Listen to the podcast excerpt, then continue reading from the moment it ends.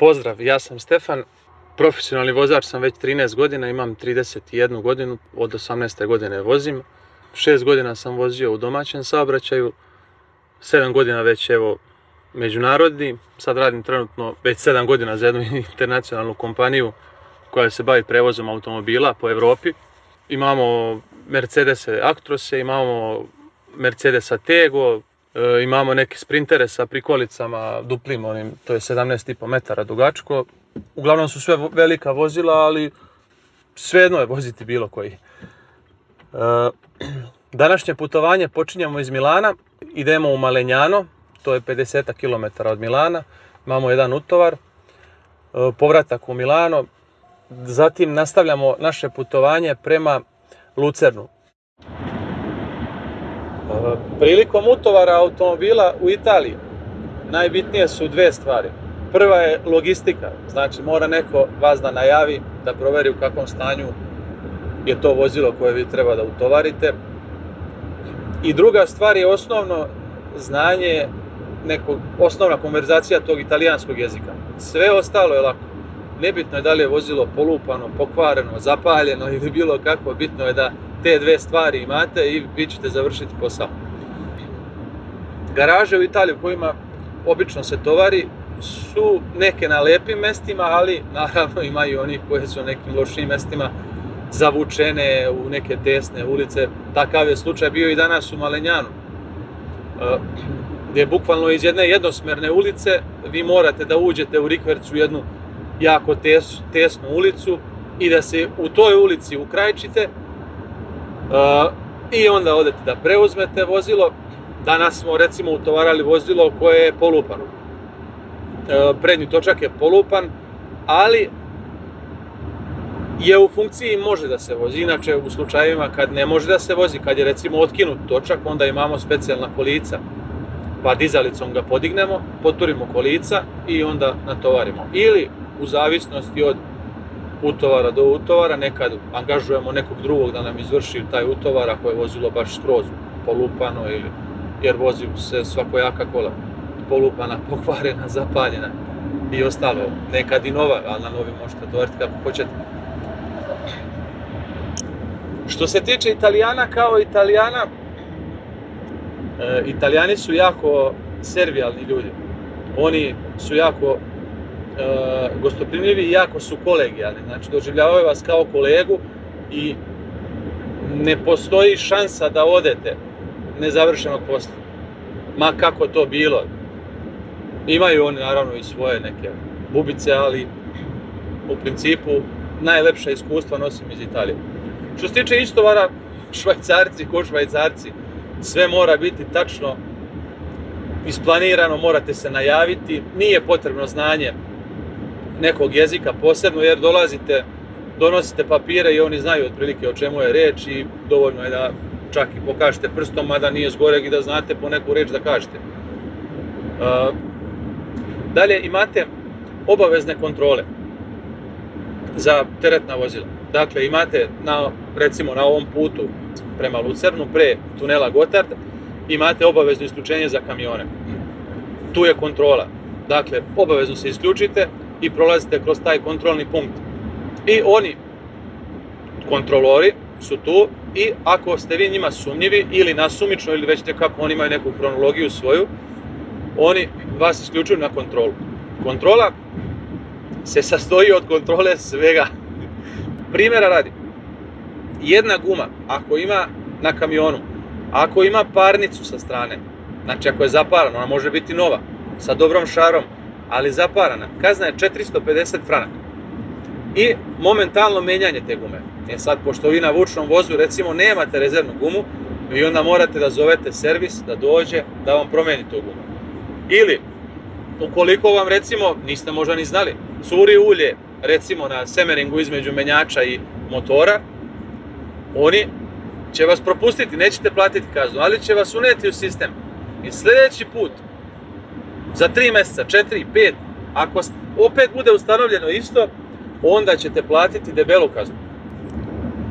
E, švajcarska policija, za razliku od italijanske, po mom mišljenju, kako bi narodno, narodno to rekao, nema dušu. Dok recimo kod italijana ja sam par puta, meni je par puta progledano kroz prste, kao recimo u Srbiji ili negde na Balkanu. Znači, nekako ljudski propuste i naravno i kod njih e, ima i kad nisu htjeli da propusti da pogledaju kroz prste, ali generalno svugde se mora biti čist.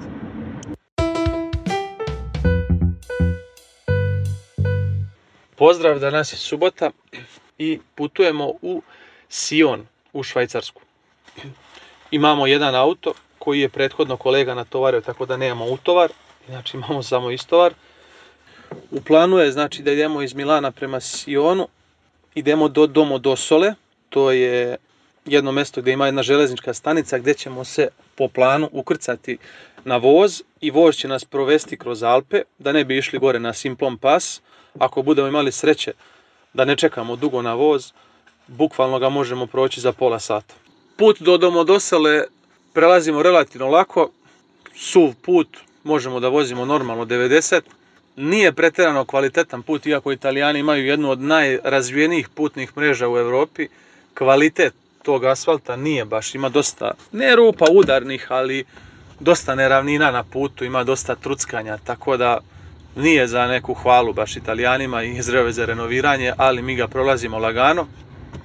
I sad već dolazimo do ove železničke stanice.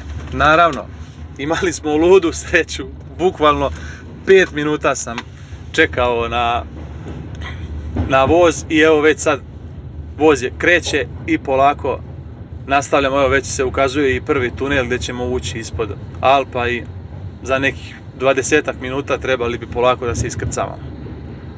Ovde je već sad primetno zahlađenje, vrhovi su gore beli, svi prekriveni snegom, dole je sve suvo, ali sad već 3 stepena.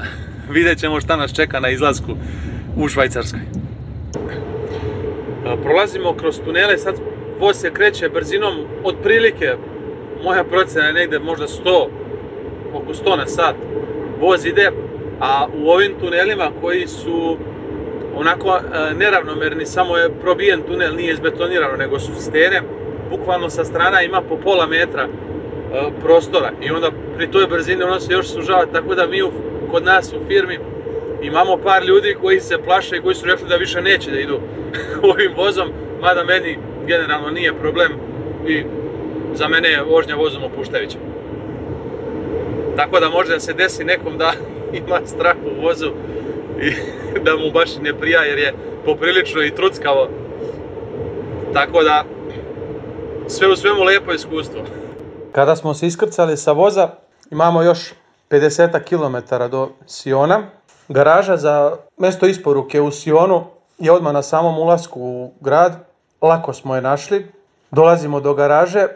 Garaža je pored puta, ali da bismo istovarili vozilo koje inače ne pali, potrebno je da pređemo u levu traku na tom putu, vratimo vozilo u rikverc, ali vozilo će nam ostati na putu i to generalno ume da bude problem, ali uključite signalizaciju, rotaciju i za ove sve godine koliko ja radim nikad nije bilo problema, mada ometamo saobraćaj, ali ljudi imaju razumevanja za, za radnike generalno. Pošto vozilo ne pali, problem je kako ga parkirati propisno na parking mesto. Zato smo sad iskoristili priliku kad već uslovi dozvoljavaju, namestili smo naš kamion i prikolicu tako da vozilo samo gurnemo i čim ono siđe, sići će direktno na parking mesto i više ga nećemo pomerati.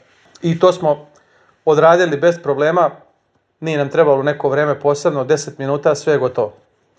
Sada ćemo se iz Siona uputiti prema Martiniju, a onda od Martinija okrećemo opet prema Italiji i prelazimo preko graničnog prelaza Gran San Bernard. E, Grand Sam Bernard inače poznat po, po rasi pasa Bernardinac, jer Bernardinac se na engleskom zove eh, Saint Bernard Dog. Eh, penjemo se gore na 2000 metara nadmorske visine. I gore pred samom tunelom put je očišćen maksimalno, znači nije ni vlažan put, čak i suv, ali pored puta ima jedno 40 cm snega Uh, mnogo skijališta sa strane, ljudi skijaju i uh, ovdje isto pejzaž je prelep, uh, planine, sneg, ima nekoliko jezera, stvarno fenomenalno. Prolazimo granicu, granica je u tunelu.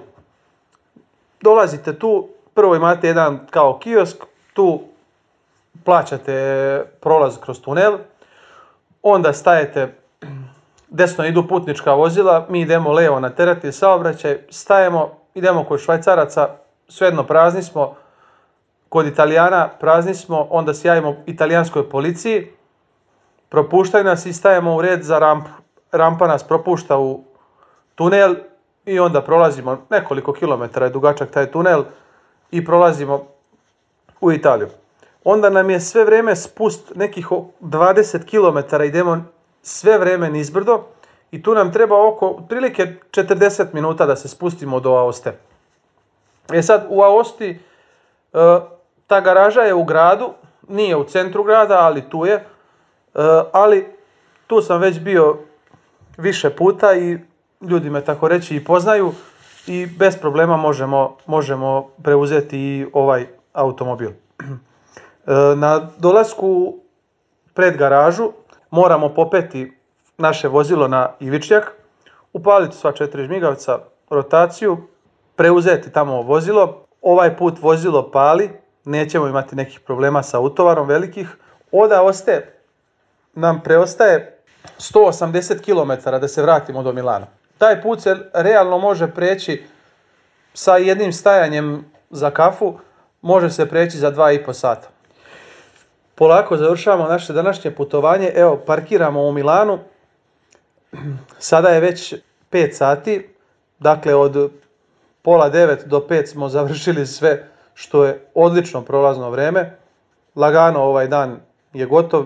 Sad preostaje da uživamo u nedelji koja je neradna i onda od ponedeljka opet idemo u nove ture.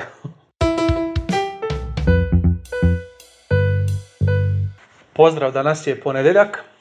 Današnje putovanje ćemo krenuti iz Livinja. Livinjo je mesto koje je u posebnoj e, zoni kao ja bukvalno kad sam dolazio sam izašao iz Italije na granici, ima granica gde sam izašao iz Italije, ali nisam ušao nigde, tako reći, nisam ušao u Švajcarsku, znači samo Italijani su izašao sam iz Italije. Međutim, Livinjo pripada Italiji, ali Ovo je neka posebna, kako oni to vode, zona.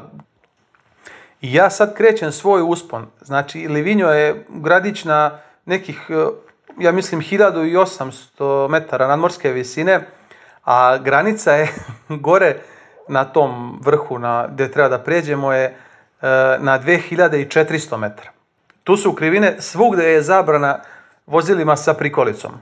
Znači čak i ovaj moj manji kamiončić prikolicom za jedan auto, toliko su velike serpentine da je to katastrofa. Znači, sreća je samo što je put čist.